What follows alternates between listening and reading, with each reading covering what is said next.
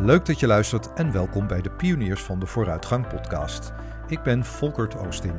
Dit is de podcast voor iedereen die op een persoonlijke missie is voor een betere en mooiere wereld.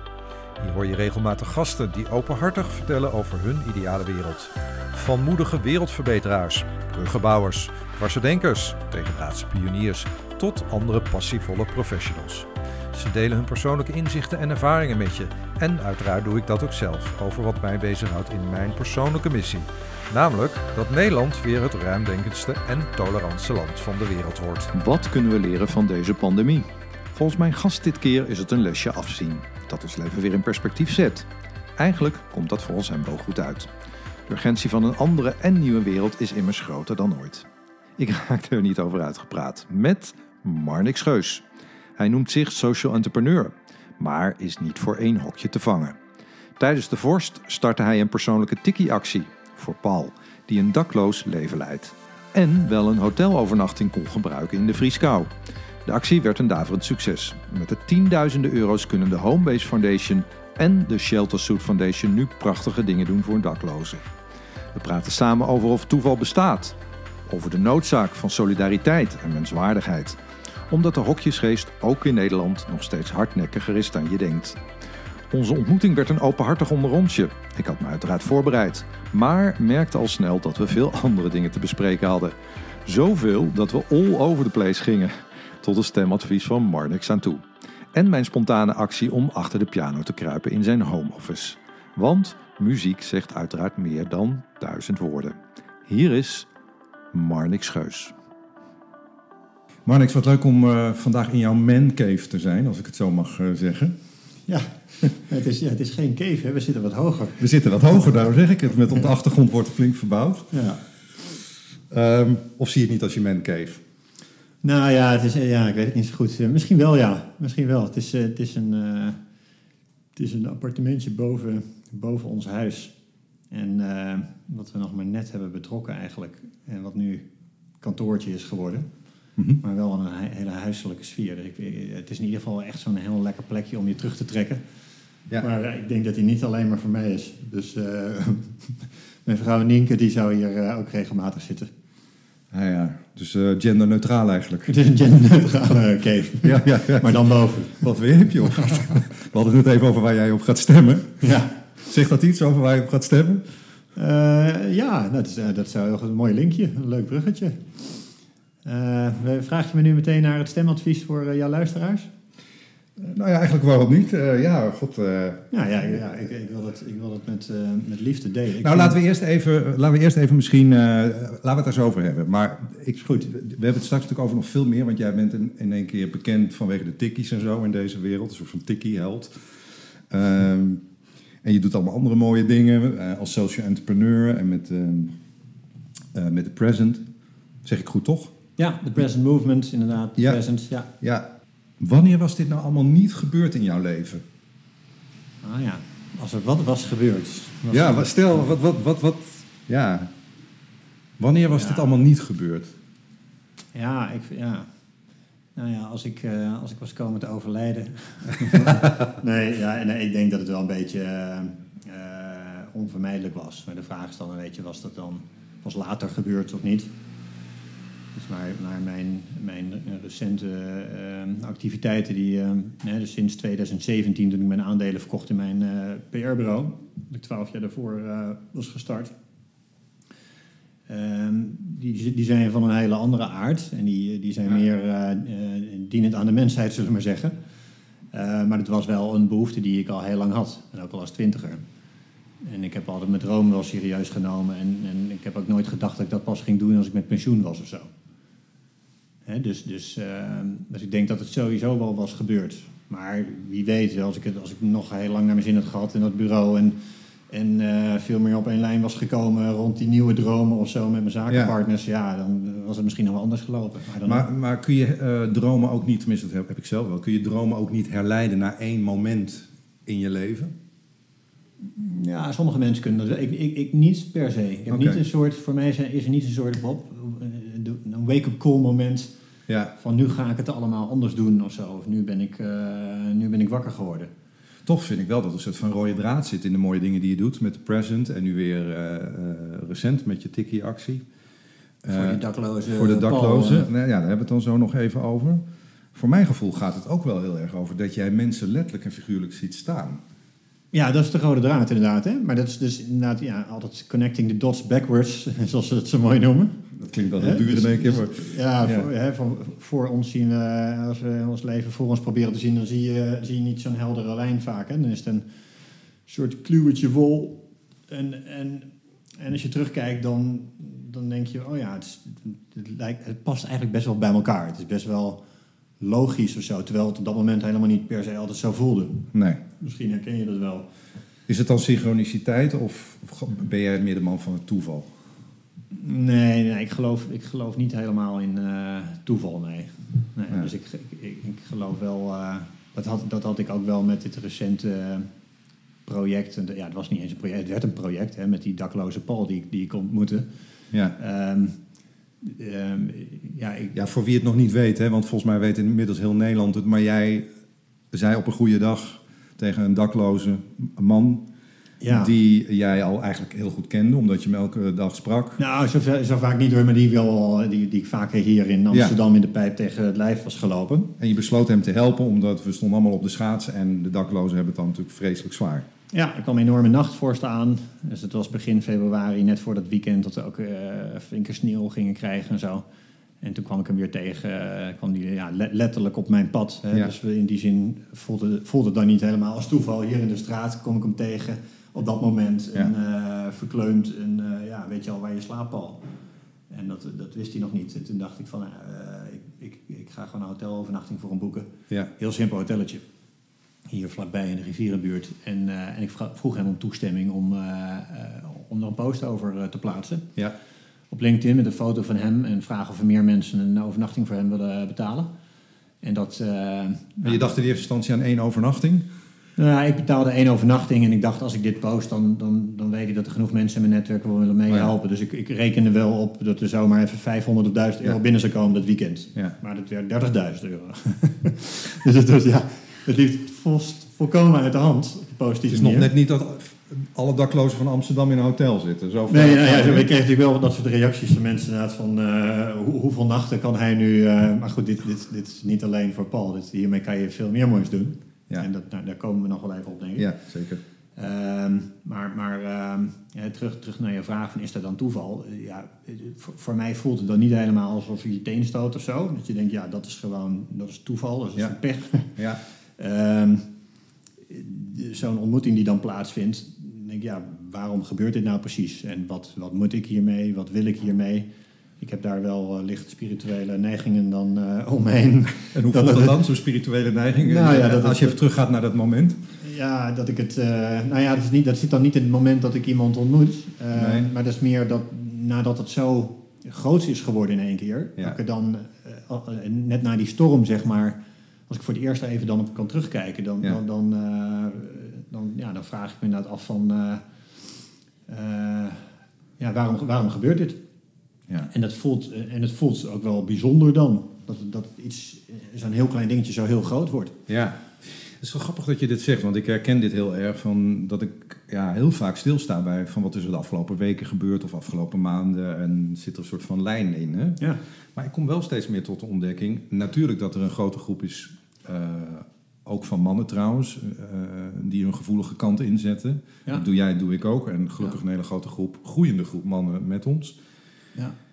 Ehm, maar ik vind het elke keer weer frappant eh, hoe sterk die rode, eh, eh, rode draad is. Van, eh, dat je het ene moment denkt, hé, hey, dit is toeval. En het volgende moment denkt, nee, dat is... eh, Het is helemaal geen toeval, zo moet het gaan of zo. ja, zo, zo moet het gaan. Ja, ja. en dat is heel, ja, het is ook wel heel lastig, hè? want ehm, ik moet denken aan dat, dat boekje van Sartre. Mijn vader had het me gegeven toen, toen eh, voor, voor mijn Franse lijst op de middelbare school. eh, Les Jeux sont faits, de teerling is geworpen. Ja. En dat gaat, misschien heb, heb je het gelezen? Ik heb het gelezen, ja. Ja, dus je kent het. Nou ja, Ja. En dat gaat natuurlijk over een soort, nou ja, het existentialisme van het, het is al bepaald voor je. Ja. Het, is, ehm, het is allemaal uitgestippeld. En dat vind ik dan ergens wel weer een moeilijke gedachte. Want dan, denk, dan voelt het bijna alsof het niet uitmaakt wat je doet of zo. Hè? ja. van ik, ik, ik wil in ieder geval mezelf graag wijs blijven maken dat het, dat het nog een soort nut heeft, dat ik keuzes zelfstandig maak elke dag. En, eh, Grappig, want ik denk in één keer, ik lees op dit moment een boek over de mystiek van geluid. ja. Dan zit weer een podcast te maken, dus ook Ja. misschien geen toeval, maar goed, dat terzijde. En eh, dat gaat onder andere over het goddelijke. En dan niet in de zin van Christ, eh, eh, eh, christendom of islam of wat Nee, dan ook, maar nee. wel is het dat grotere kompas. ja, ja. Maar daarvan zeg je dus van, nou, hopelijk is dat kompas niet al te groot, want dan kan ik zelf ook nog wat doen. Nou ja, het is meer dat, dat ik gewoon denk van eh, hoe, hoeveel keer op een dag eh, je- de mist in kunt gaan, zeg maar, in kleine dingen. Hè? Dus Ja. dat, dat, ik, eh, dat ik prima een uur eh, gemediteerd kan hebben in de ochtend en een half uur daarna kan schreeuwen tegen een van mijn kinderen, omdat ze, omdat ze even onder mijn huid kruipen, eh, te- terwijl... eh, Gaan ze dan ook terugschreeuwen? omdat, eh, Ja. ja. hoor, en terecht. Ja, ja, precies. Maar, maar hè, dus dat, van die dingen dat je ook denkt van, hoe, hoe kan dat nou? Van, van get a grip, doe even normaal. Ehm, ja, Want het is natuurlijk helemaal niet normaal, normaal om tegen je kind te gaan zitten schreeuwen. nee, Natuurlijk mag je wel een keer boos worden. ja, En gelukkig doe ik dit ook niet elke dag.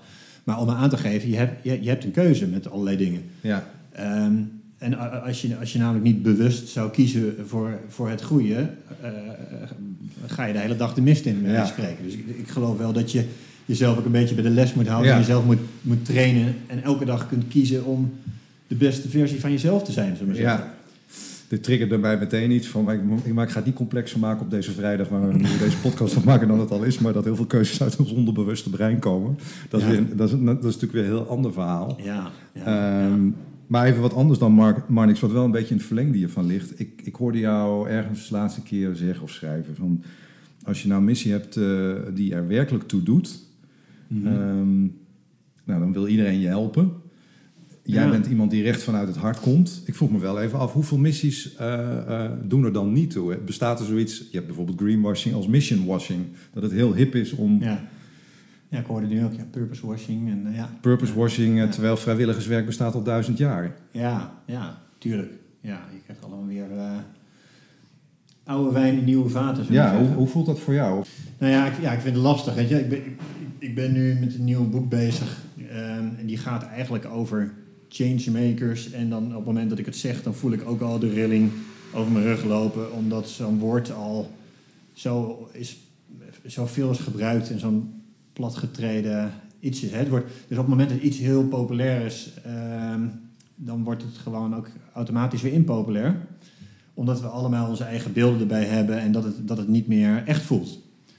Maar het risico is natuurlijk dat je dan opzij schuift en, en, dan, en dan wat? Weet je? Dan, gaan we, dan, Ja. dan gaan we weer een nieuw woord bedenken. Ja. Dat is natuurlijk onzin. Ja. Je moet alleen uitleggen wat je dan bedoelt, volgens mij. Hè? Dus, met, dus, dus op het moment dat we met allerlei termen smijten van, eh, van eh, meaning en purpose en changemakers en zo.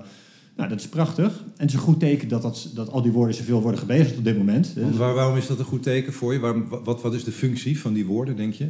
Nou, dat heel veel mensen bezig zijn met een be- een bepaalde vorm van zingeving en, Ja. en iets willen bijdragen eh, aan, aan het leven van anderen of aan de wereld als geheel. Ja. Vermoedelijk omdat, ze- omdat ze zich zorgen maken over de staat van de wereld. En dat had jij ook, even misschien een gek bruggetje naar de Dat present. Eh, eh, Ja. toen, jij, toen jij de present startte, Ja. met alle vluchtelingen, Ja. zo, toen gebeurde er ook zoiets bij jou. Van, ja, die wereld kan en moet beter. Ja, maar dat lag al veel, ehm, dat lag al veel eerder. Oké. Dus, dus voor, voor mij was het. ehm, kijk, als, als twintiger had ik drie grote dromen. En dat is ondernemen, een boek schrijven en iets voor de wereld willen betekenen. Vanuit de kern van wat ik doe. En die laatste was het meest vage. En in gesprekken met mensen eh, die eh, een stuk ouder waren dan ik, kwam ik erachter dat je ook eh, tien jaar dit kunt doen en acht jaar dat en twaalf jaar zus. Hè, dat mensen in hun carrière soms hele verschillende dingen hebben gedaan. Ja. En dat vond ik fascinerend. Hè? Het tegenovergestelde van een soort lifelong career bij één bedrijf of zo. Dat je, dat je allemaal verschillende initiatieven kunt ontplooien in hele andere hoeken. En andere dingen kunt leren en andere mensen kunt ontmoeten. Eh, dus dat het niet allemaal tegelijkertijd hoefde. En dat, dat ongeduld zat heel erg in mij en hoorde bij die levensfase natuurlijk als twintiger. Maar het zit ook in mij qua karakter. Heb ik nog steeds. Maar die, die, die, die droom dus voor iets van de wereld willen betekenen, wa- was er al veel langer. Ehm, dus die was niet per se gekoppeld aan het feit dat die vluchtelingencrisis in volle hevigheid losbarstte zo in 2015.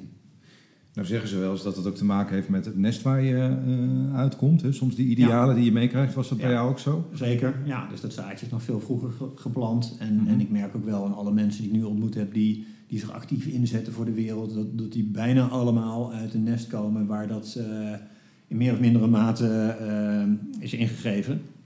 Dus ik, ik kom uit een ondernemers... of eh, uit een onderwijsgezin. Geen ondernemersgezin, onderwijsgezin. En mijn ouders die organiseerden UNICEF Fancy Fair in de achtertuin. Er stonden als kinderen in van die hesjes en spulletjes troep te verkopen om geld op te halen voor UNICEF. En eh Vond je, dat, ook vond je dat wel wat als kind? Of dacht ik vond het hartstikke gaaf. Ja, wat, was, Ja, wat, wat, wat, wat dacht je dan? ja, het was heel leuk. Ik was trots op mijn ouders. Ik vond het gaaf dat Ja. we dat deden. De hele buurt die kwam dan onze tuin in en eh, gaf een soort positieve sfeer. Ja. Eh, het was heel leuk om mee bezig te zijn en als kind om bij betrokken te, te worden. Maar mijn ouders waren op allerlei manieren altijd in een omgeving wel met andere mensen bezig en altijd veel, veel oog voor anderen. Dus, dus eh, ja, ik heb het echt wel in de opvoeding meegekregen. Ja, ja, Jij ook? ik ook. Ja, absoluut. Ja? Ja, nu we het toch over stemmen hebben. ja, mijn- mijn, vader heeft, eh, was heel erg, ja, ook wel, en nog steeds maatschappelijk betrokken. Ze leven allebei nog. Dus, eh, ja. Ja, Had echt zo'n zo'n rode rakker, wou ik bijna zeggen. Zo'n PvdA-stemmer. ja. Ik weet, ik, vind, ik weet helemaal niet of hij het leuk vindt als ik dit nu vertel, maar dat hoor ik dan wel weer. Ik vind het wel leuk. Ja, dat dacht ik al, ja. De luisteraars ook waarschijnlijk. Overigens, ik ga geen PvdA stemmen. Nee. Eh, nee, maar ook mijn moeder, die eh, ja, heeft ook heel lang vrijwilligerswerk gedaan. En ook belangrijk vrijwilligerswerk bij de Sociaal Raadslieden. Dus dat is ons ook echt wel ja, meegegeven. En ook vanuit uit waarde en het soort werk dat mijn vader deed. Ja, Ja. absoluut. Want hij zat toch in de politiek? Nou, hij heeft heel lang in de wereld van eh, universiteiten gewerkt. Hij, heeft, eh, hij was een soort van grondlegger eigenlijk van wat we nu heel normaal vinden, bestuurskunde. In zijn tijd bestond dat niet. Ja. En hij, toen dat, dat vak begon te ontwikkelen, was hij een van de bouwers, zeg maar. Ook een pionier. Ja. Ehm, en veel later pas, ik weet niet hoeveel later, misschien wel 15, 20 jaar, toen is hij in Den Haag eh, actief geworden. En heeft hij zich heel erg bezig gehouden met, het, met de vertrouwensrelatie tussen burgers en overheid. En dat fascineert mij ook nog steeds, dat thema, vertrouwen tussen mensen. Nog actueel. Hè? Heel actueel. Ja. Misschien Ja. altijd wel. Nou ja, ik moest er laatst ook nog even aan denken. Dat was trouwens een heel gek. Twee weken geleden was er een documentaire op, eh, weet ik veel, op de NPO ergens. En het ging over Enschede. En destijds... Vuurwerkramp. Eh, ja, vuurwerkramp. En de gemeente Enschede die eh, had een club van mensen aangesteld, waaronder mijn vader, om dat te onderzoeken. En een eh, filmmaker, eh, regisseur, Pieter Fleury, die, die heeft al die, voornamelijk mannen, ik durf het bijna niet hardop te zeggen, heeft hij geïnterviewd over, hè, over die tijd. En dus ik zat dat terug te kijken. En wat ik me het meest herinnerde van die tijd is dat ik lag op dat moment in het ziekenhuis. Ik had een ha- een hartoperatie. En hij pendelde op en neer, nou, laat maar zeggen, tussen de vuurwerkramp en het ziekenhuis. Nou, Ja. beide even grote rampen, zou je Ja. hè, k- kunnen zeggen, voor, voor hem. En ik weet nog, echt als de dag van gisteren, en dat kwam me helemaal terug toen ik die documentaire zag twee weken geleden, ehm, dat ik met mijn moeder in de auto stapte op de dag dat hij de persconferentie moest geven eh, over het rapport dat hij met al die mensen had gemaakt, over wat er was gebeurd. Ja. En joh, ik was nog maar net uit het ziekenhuis en ik voelde me totaal nog niet fit. Maar ik wilde hem steunen en, en mijn moeder. Ehm, en ik herinner me nog als de dag van, de gis- van gisteren... dus dat ik in dat circus stond om me heen. En dat heeft, dat heeft zoveel indruk gemaakt. Niet alleen vanwege zo'n circus... maar wel, even terugkomend op je vraag... Hè, van, Mhm. eh, ja, krijg je dat van huis uit mee? Daar krijg je natuurlijk veel meer mee Ja. van zo'n dag. Want dat maak je natuurlijk niet... Ja, maak je misschien niet snel mee. Zoals jij ook dingen meemaakt die misschien een ander niet meemaakt. Maar die je wel heel erg vormen. ja, zeker weten. Hoe heeft het jou gevormd? Ehm, rechtvaardigheidsgevoel. Groot Mhm. rechtvaardigheidsgevoel. Ehm, ook met mijn podcast wil ik een klein steentje bijdragen aan de tolerantie in deze wereld. Ja. Ik, wat ik zo mooi vind aan onze ontmoeting vandaag en de andere ontmoetingen die ik heb, dat een goed gesprek alleen kan ontstaan als je elkaar ziet staan of, of zitten, zoals wij nu achter jouw mooie Ja. bureau. Dus dat, zeker dat. Wat heeft jou gevormd als je het op die manier terugkijkt?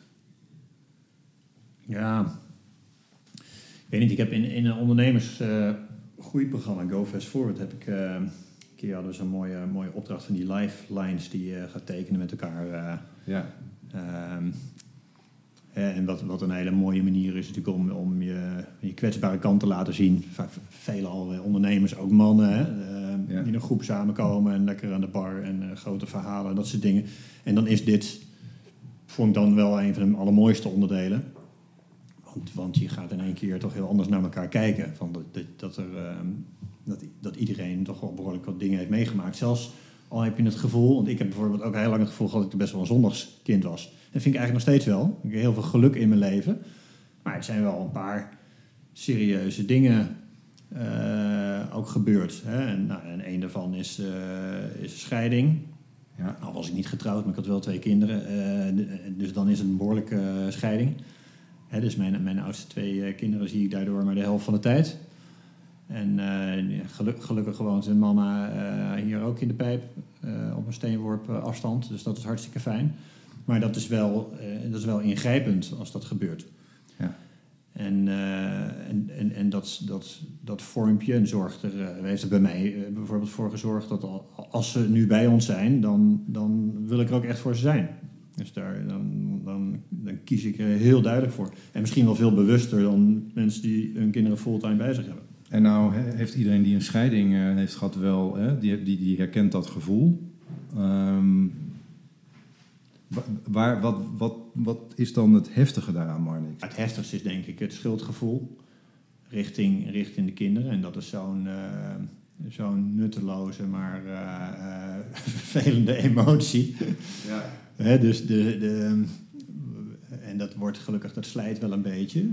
Maar er blijft altijd wel, dat hoor ik ook van iedereen ongeveer die daar doorheen is gegaan, blijft altijd een klein beetje een soort, ja, dat is een open zenuw of zo. Hè, van als er iets Ja. met je- een van je kinderen niet goed zou gaan, dat het daarmee te maken zou hebben. En, hè, dus, dus het, in mijn geval het durven kiezen voor de echte liefde, dat je daar dus een hele hoge prijs ook voor betaalt. En, en, en eh, dat heel graag voor je kinderen eh, zoveel mogelijk wilt, wilt verzachten en goed wil doen. Ja. Zonder dat ik daarmee bedoel dat ik ze dan extreem ga verwennen of zo. Want zo'n, eh, en niet een papa die dan zegt van... oh ja, dan ga ik dat eh, schuldgevoel proberen af te kopen op zo'n manier. Zeker niet, maar... eh, ja, maar nou zeg je wat over schuld gesproken, hè? ja. Het is even een hele bijzondere associatie misschien, maar ik denk even aan de present en, en hoe wij in Nederland hè, en, en in de wereld dealen met ons schuldgevoel. ja.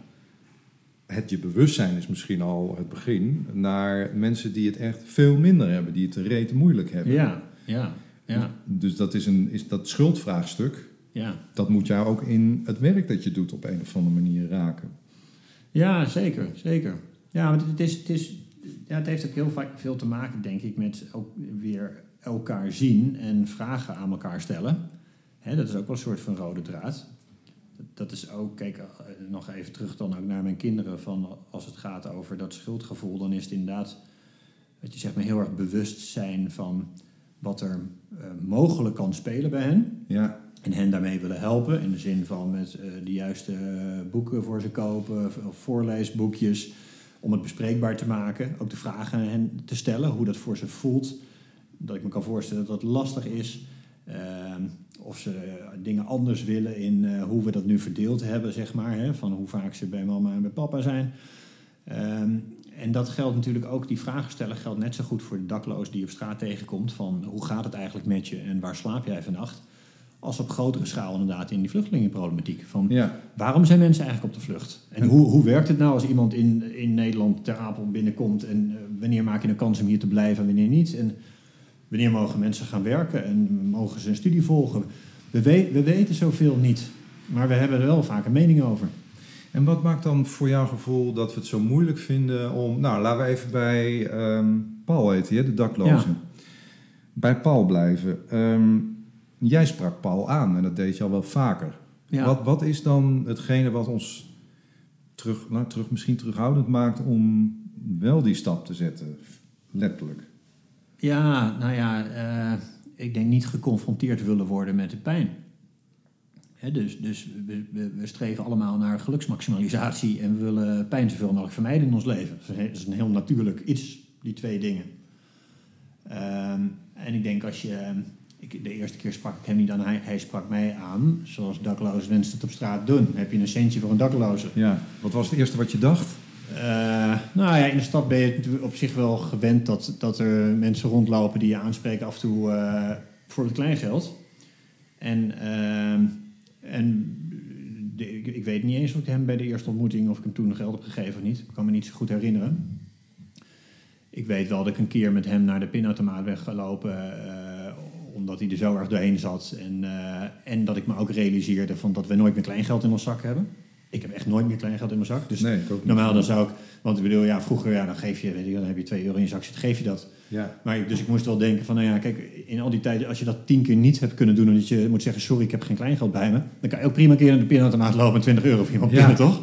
Zou een pinautomatenfabrikant dat niet moeten doen? Gewoon van die chip eh, kleine kastjes maken en allemaal uitdelen aan, aan Aan daklozen? Ja, Ja. ja. nou ja, zeker weten. Eh, Want dat is jouw manier van denken volgens mij. ook Fantastisch wel, idee. Achter dat soort, eh, ja. Ja, fantastisch idee. Maar goed, dan zullen mensen ook weer zeggen van ja, maar dan houd je het in stand. Of, eh, de- er, er wordt vaak te makkelijk over gedacht. Niet van waar, wat is er gebeurd met iemand waardoor iemand nou op straat hier rondloopt. Hè, en dat is net zo. En, en, en wi- wil iemand geholpen worden? Ja, altijd wel. Maar kan iemand geholpen worden? Nou, heel vaak nog helemaal niet. Dus de reactie van iemand kan ook zijn van, nou ja, je hoeft voor mij niet te veel te regelen. Ik, ik, laat mij maar lekker hier op straat. Maar ook omdat mensen in een. Ze staan er niet open voor eh, stap verder geholpen worden, omdat ze in een survival modus zijn. En die ziet er eigenlijk uitvergroot, als je zo iemand op straat ontmoet, zie je uitvergroot wat er, wat er ook in het leven van jou en mij gebeurt. Als, als het tegenzit, dan kom Ja. je ook in survival modus. ja. Dan, dan kun je een vluchteling toe. zijn in ons eigen leven. Ja, nee, Of een nou dakloze. ja, Ja. nou ja, mooi gezegd. Ja. Dus of, of wat is het moment dat ik even ga schreeuwen tegen mijn kind dan of zo? Omdat ik, omdat ik misschien op een mailtje bezig ben met mijn telefoon en dan moet ik me concentreren en ze zitten drie keer in mijn oor te zoomen. Eh, hè, en, en ik heb al een paar keer gezegd, wacht even en ze gaan ermee door. Dan, hè, dan is het, nou, nou, stil. Dan ben je in één keer in je stressrespons. Ja. Maar iemand die op straat leeft, is continu in die stressrespons. Hè? Die, die is, die, de primaire leesbehoeften zijn niet geregeld. En dat is, is dat misschien ook wel een overeenkomst met, eh, met het leven van een vluchteling? Enorm. Die- Enorm. Weet Ja. je dat dit trouwens is wat, wat ik tegelijkertijd zo schrijnend vond aan, aan, eh, aan deze hele gebeurtenis met Paul. Dat, dat in 48 uur dat er even 30.000 euro aan donaties binnenkwam. Dat ik dacht van ja, en als hij nou Youssef had geheten, eh, was dit dan ook gebeurd? Nou, ik denk eigenlijk dus van niet. En eh, ik ben nu 3,5 jaar bezig hè, met, die, eh, met de present movement. Waarschijnlijk niet, hè, zeg je Marnix. Maar dat, Ja. dat is voor ons allemaal natuurlijk anders, hè, de associatie die je krijgt bij wat je nu zegt. Ja. Want hoe, is dat, hoe denk jij daar dan over na? Waarschijnlijk niet. Nou, er, er, is. ehm, ehm, Paul is een dakloze, dat is een probleem dicht bij huis. eh, kennen we allemaal. Eh, le- letterlijk hier in Amsterdam kennen mensen Paul, omdat ze hem wel vaak hebben gezien lopen al. Eh, of in ieder geval in deze buurt een beetje. Ehm, dus het is dichtbij en mensen komen eerder in actie. Dus je ziet heel veel dat, dat solidariteit is, is er zeker, maar die, die, die houdt heel snel op bij de grenzen van je eigen gebiedje. Hoe ik dat zelf ervaar is ook wel van... eh, je vroeg er straks even wat mij heeft gevormd. En Ja. respect is voor mij echt ook wel een soort van sleutelthema. Eigenlijk leven daar, dit is mijn wereldbeeld dan, als ik denk aan vluchtelingen of ehm, daklozen, Ja. dat we het ook een beetje ongelijkwaardig benaderen. Ik sta hier en jij zit daar, of ben daar. Ja. Maar ik heb me wel eens afgevraagd, wat kan ik leren van een dakloze? Ook als ik Bo met zijn eh, tv-programma zag, wat kan ik leren van Ja. een dakloze? Of wat kan ik leren van een vluchteling? Wat kan ik leren van zijn of haar wijsheid? Ja. Ja. Heb jij dat gevoel ook wel eens, dat we daar Enorm. ondanks alle ellende van kunnen leren? Ja, enorm. Enorm. Ehm, ik, had dat, ik had dat met, eh, met Paul ook. Hè. Je, je, je start met elkaar eh, in een ongewild ongelijke eh, situatie. Want eh, ik was op dat moment degene die een hotelkamer voor hem ging boeken. En hij was degene die geen overnachting had en hulp nodig had. Hè, dus je hebt de hulpbehoeftige en de helper. Dat is geen gezonde, gelijkwaardige relatie. Nee, nee. En, en nu, ben vandaag ook nog even bij hem geweest. Nu ehm, ontstaat er eh, een, voorzichtige vriendschap. Hè? En, en, en ehm, krijg ik ook steeds meer eh, bewondering voor hem. Als dat, wat, een, wat een overlever, wat een vechter en eh, wat een held het al voor me is. Weet je wel, hoe die... ehm, want hij heeft ook nog heel erg ook zijn eigen trots. En hij heeft ook zoiets. Hij zegt: ik, heb nooit in de rij, ik ben nooit in de rij gaan staan voor soep bij, op eh, opvanglocaties. En, en ik, eh, eh, hij zei: ik, ik, ik- dat was voor hem dan een soort van een, een brug te ver. Ik moet het gewoon zelf doen. Zonder uitkering, zonder wat dan ook. Gewoon, hij is aan het overleven. Gewoon in een heel rijk land op straat. Dat is ook een soort van waardigheid nog bijna. Ja, er zit ook een Paradoxaal waardigheid in. genoeg. Ja. En je had het over gevoelige mannen net. Nou, dit is een ongelooflijk gevoelige man. En, en afgelopen maand best wel veel over daklozen geleerd. En schrok eigenlijk van hoe weinig ik wist over dakloosheid. Maar ik zie dat heel veel, het zijn veelal mannen. En ik zie dat heel veel van die mannen vooral ook hele gevoelige mannen zijn die door het, door het beëindigen van een relatie of door het overlijden van hun ouders, waar ze toch op vrij hoge leeftijd nog in huis woonden, eh, op straat komen te staan. En daar ook dusdanig van, van slag zijn dat ze helemaal van een padje af zijn geraakt. Eh, maar heel veel mensen met een, eh, met een enorm goed hart. Maar die je natuurlijk ook wel ziet in een, in een, op een manier dat ze eh, bijna agressief kunnen overkomen, omdat ze zoveel nee, sorry hebben gehoord op een dag en in de kou en in de regen daar lopen en, en, en zich, ja, een soort hond voelen. Paul zei het vanmiddag nog, letterlijk een soort van, ik voel me soms een vuilniszak, een hond op straat. Mensen roepen wel eens naar me. Weet je wel, Ge- gewoon... eh, d- dat, dat moet zo moeilijk zijn, daar kunnen we ons niks bij voorstellen. Nee. Maar goed, dus, dus ehm, terug, terug naar dat gevoel van, van solidariteit. Als het, Ja. als het dichtbij is, is dat makkelijker op te brengen voor ons. Ja. Dan, dan, eh, dan bij vluchtelingen. Dan is dat, dat is in één keer een, dat is een heel politiek dossier geworden waar niemand zijn vingers aan wil branden. En, en ehm, mensen veel eerder een beetje eng vinden. Ja. Dus ik, ja, ik Nou, weet- het is wat, ik, wat, wat ik nu in één keer zit te denken, Marnix, is van... eh, ik heb me ook wel afgevraagd, even nog... Wij kennen elkaar al wat langer. Maar in Ja. voorbereiding van ons gesprek vandaag... hey, eh, Marnix, eh, wij ontmoeten elkaar ook wel even op een eh, lastig moment eh, in jouw leven. Eh, is, is Marnix nou de... ik hou soms ook van hokjes, hè? dat is even dat schept duidelijkheid. Maar ik ben gewoon heel eerlijk nu. Ik, goh, is, is Marnix nou de, de, de, de, de ondernemer, de social entrepreneur? Is het de gevoelige man eh, die iets heel actiefs met zijn gevoel doet Mhm. en dat volgt, zijn hart volgt?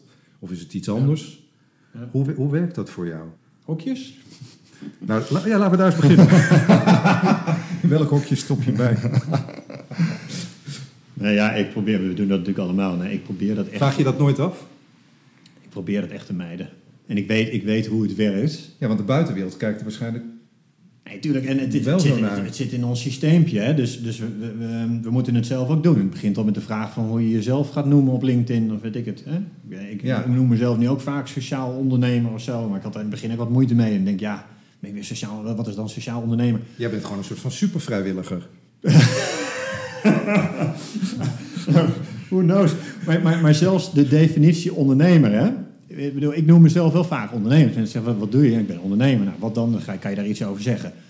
Ehm, maar maar ehm, dat ondernemerschap hoort denk ik wel bij me. Dus dat, dat hokje kan ik mezelf in plaatsen. Maar tegelijkertijd komt dat misschien ook omdat ik dat al een hele tijd doe. Ja.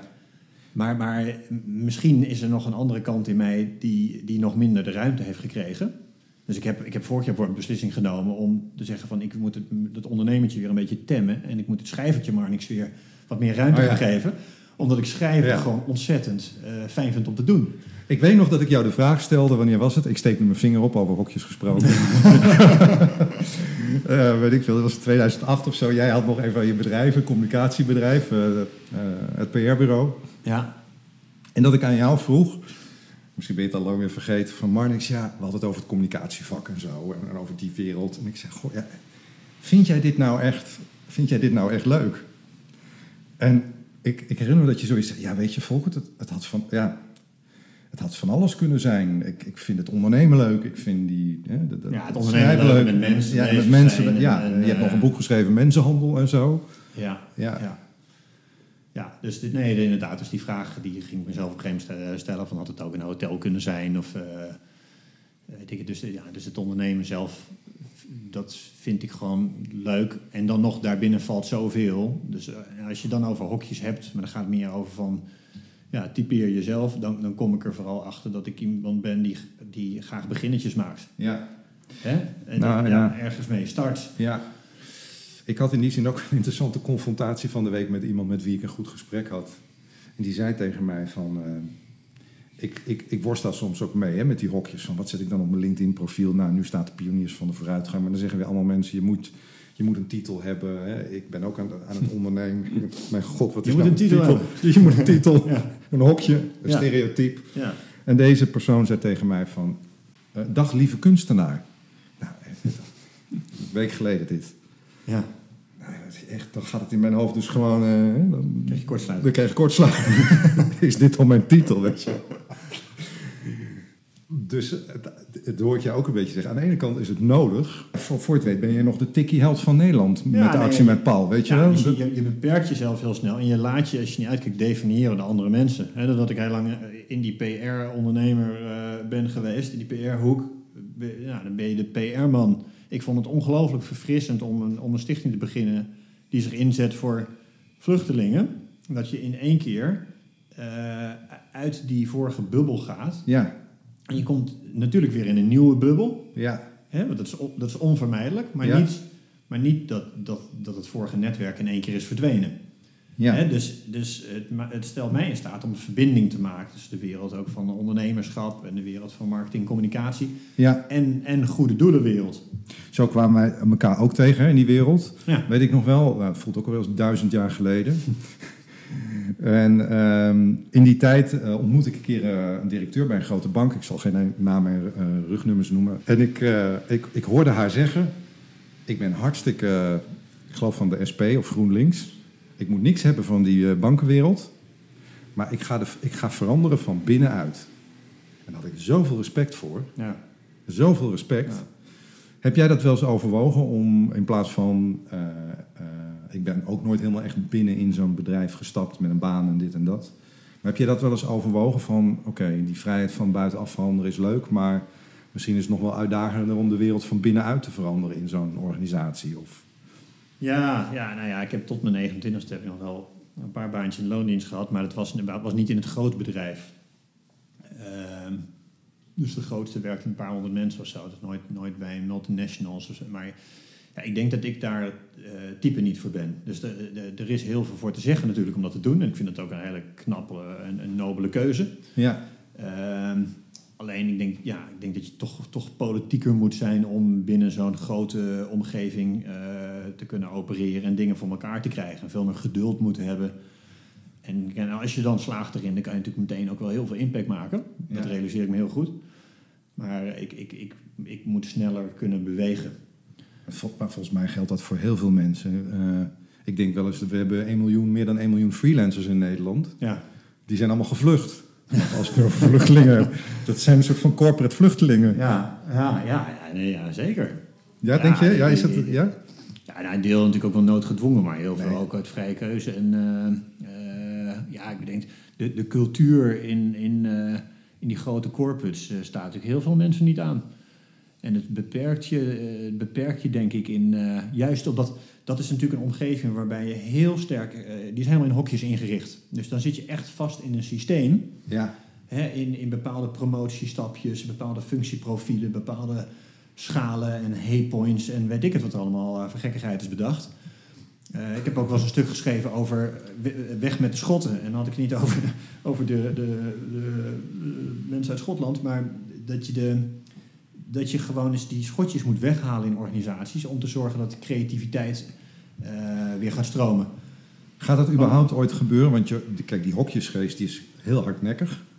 Ja. Eh, Ja. Bedrijven, be- zeker dit soort grote bedrijven, kunnen ze ook niet altijd iets aan doen dat ze zo groot zijn. Hè? Dus het is ook niet met een vingerwijzen. Maar Nee, ja, die roepen al gewoon sinds decennia van we moeten ondernemender zijn. We moeten zeker. Ja, er wordt altijd geroepen. ja, Ja, ja, Nog, nog meer agile, nog meer ruzie vervolgens in teams.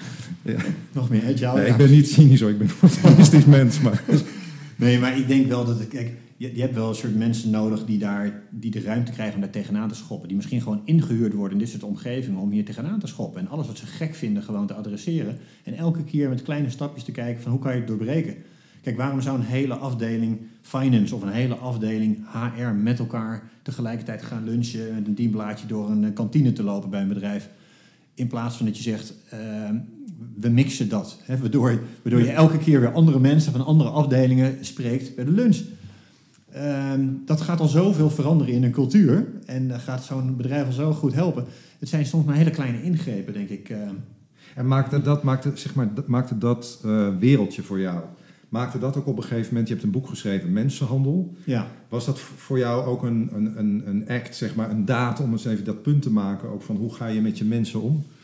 Ja, nee, zeker. Eh, daar, daar gaat het ook wel over. Hè. Mens- me- mensen belangrijker maken dan de handel. Vanuit ons perspectief als bureau was het...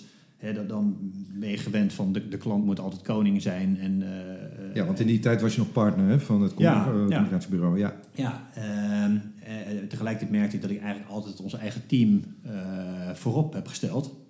En, en, en, ik, en ik geloof nog steeds dat je, dat je daarmee de klant ook het beste bedient. Want als die sfeer en die cultuur zo sterk en, en, en eh, krachtig is, eh, dan zitten mensen zo lekker in hun vel en eh, krijgen zelf ook zoveel eh, zelfvertrouwen, doordat ze er veel beter uit de verf komen. Ja. In al hun kwaliteiten.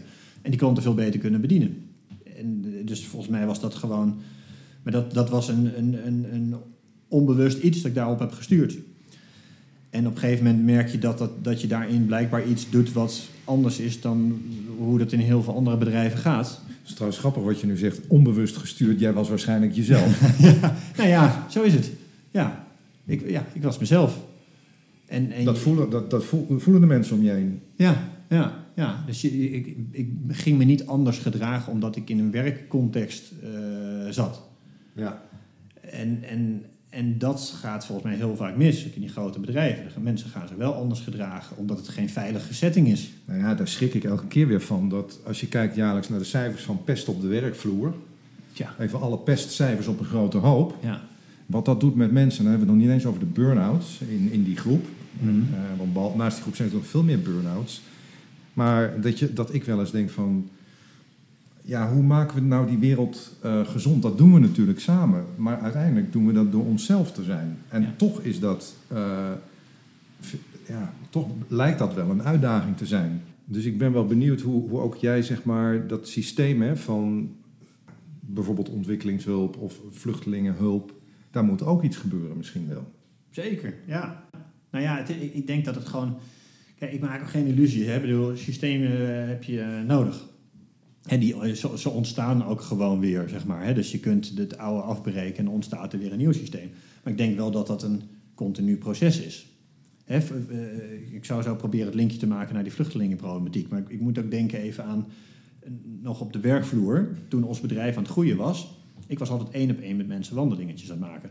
Tot het bedrijf steeds verder groeide. En dat ik op een gegeven moment dacht, ja, dit kan niet meer. Ik, Wat ik zo mooi vond, jij vertelde was dat ik ben de- in de dierentuin geweest deze week. Eh, Artis had je het dan over. Ja, ja, ja. Om, om eh, te lunchen met de olifanten. Precies, is ons kantoor, eh, Ja. kantoor zat eh, inderdaad ongeveer naast Artis. Dus daar gingen we, we hadden allemaal Artispas. eh dus dan, eh, dan liepen we heel veel daar doorheen.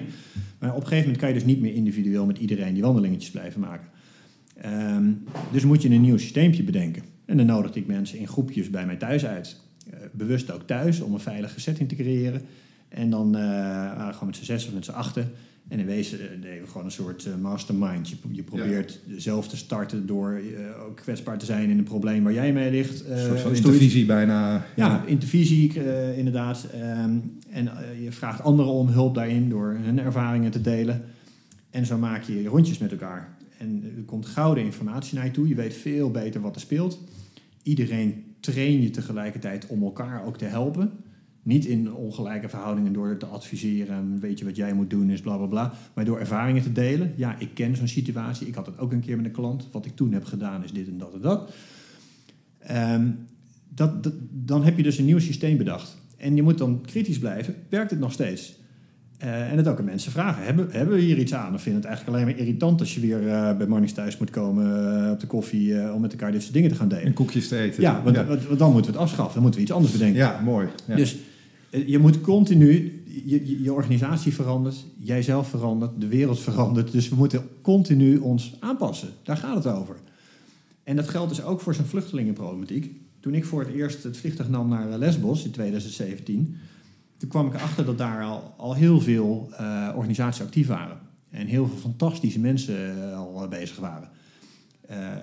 En, en, toch loopt er heel veel nog helemaal niet goed. En aan de andere kant weet ik dat er heel veel ondernemers zijn die heel graag iets zouden willen betekenen, maar niet zo goed weten hoe en waar te beginnen. Dus ik dacht, wie ben ik om nou weer een nieuwe stichting te starten? Volgens mij moet, moet ik gewoon die twee werelden aan elkaar gaan knopen trouwens wel in een nieuwe stichting. ja, maar, maar, uh, nee, maar ik ging niet weer, weer een, een, nieuw dingetje ernaast doen, zeg maar. Ik ging meer kijken, dit is er al. En laten we nou de pareltjes uitlichten. Dus ik ga die ondernemers in contact brengen met initiatieven die zich inzetten voor vluchtelingen. Ja. Dus ik ging niet zelf vluchtelingen weer helpen. Ik ging zorgen dat die initiatieven die er al zijn, die vluchtelingen helpen, worden geholpen. Ben je er nog? Ja, ik ben er zeker nog. ik dwaal nu af. Nee, nee, nee, nee, nee, nee. Nee, dus dat is ook kijken naar van hoe, hoe gaat dat nu? Maar eigenlijk creëer je daarmee creëer je een nieuw systeem. Ja. Een, een systeem in de een, een, een community. Uh, nou, ja, ik zag een heel versnipperd systeem in wezen. Ja, uh, ja UNHCR heb je. Een Het hele is de vrijdagmiddag hoor mensen, maar...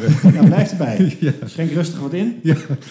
UNHCR is de hele grote. En dan heb je heel veel kleine partijtjes ook die fantastisch werk doen, maar super versnipperd. Ja. Maar als je die partijen nou naar een hoger plan kunt gaan trekken met hulp van ondernemers en die ondernemerskracht kunt inzetten, dan, dan bedenk je weer een nieuw systeempje. Ja. Maar dat vind ik ook wel. Um, ja, dat vind ik zoiets moois wat je nu zegt over dat aanpassen hè? En, en het bedenken van een nieuw systeempje. Dat is natuurlijk ook het ondernemen en de creativiteit. En. Maar dat, over dat nieuwe dingen bedenken, over veerkracht, over aanpassen. Uh, ja, dat, vind, dat is toch echt wel de kracht van het, van het ondernemen. Dat vraagt natuurlijk ook moed. Maar we hebben er nu allemaal stuk voor stuk, met hoeveel miljoen mensen zijn we in Nederland, dankzij corona mee te maken. Uh, we moeten ons aanpassen. Uh, uh, we, we, staan allemaal te trappelen om die vaccins te halen. Nou, dan hebben we die over een half jaar op zak.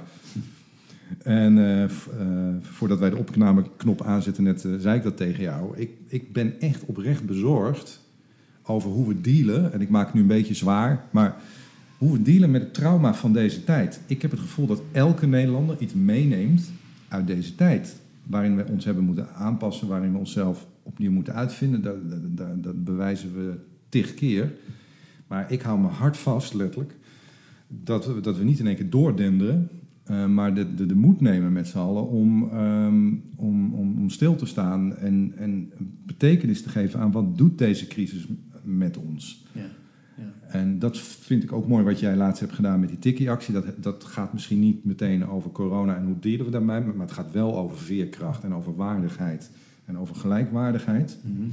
Ik ben, uh, een beetje richting het slot van onze podcast, ik ben ontzettend benieuwd hoe jij, als je kijkt naar die mentale kant, hè, de, de, ja. de, de, corona die nadrukt, ja. hoe jij daar tegenaan kijkt. Hoe pionieren we onszelf, zeg maar, die crisis uit? Ik ben daar best wel optimistisch over eigenlijk. Ik, ik maak me minder zorgen over, over, uh, over een soort van collectieve trauma van deze periode. Ik, ik, ik, zie het ergens ook wel echt als een geschenk, zonder dat ik voorbij wil gaan aan, aan natuurlijk verschrikkelijk leed wat sommige mensen echt is overkomen door corona en, en uh, Kinderen. dierbaren die uh, ja.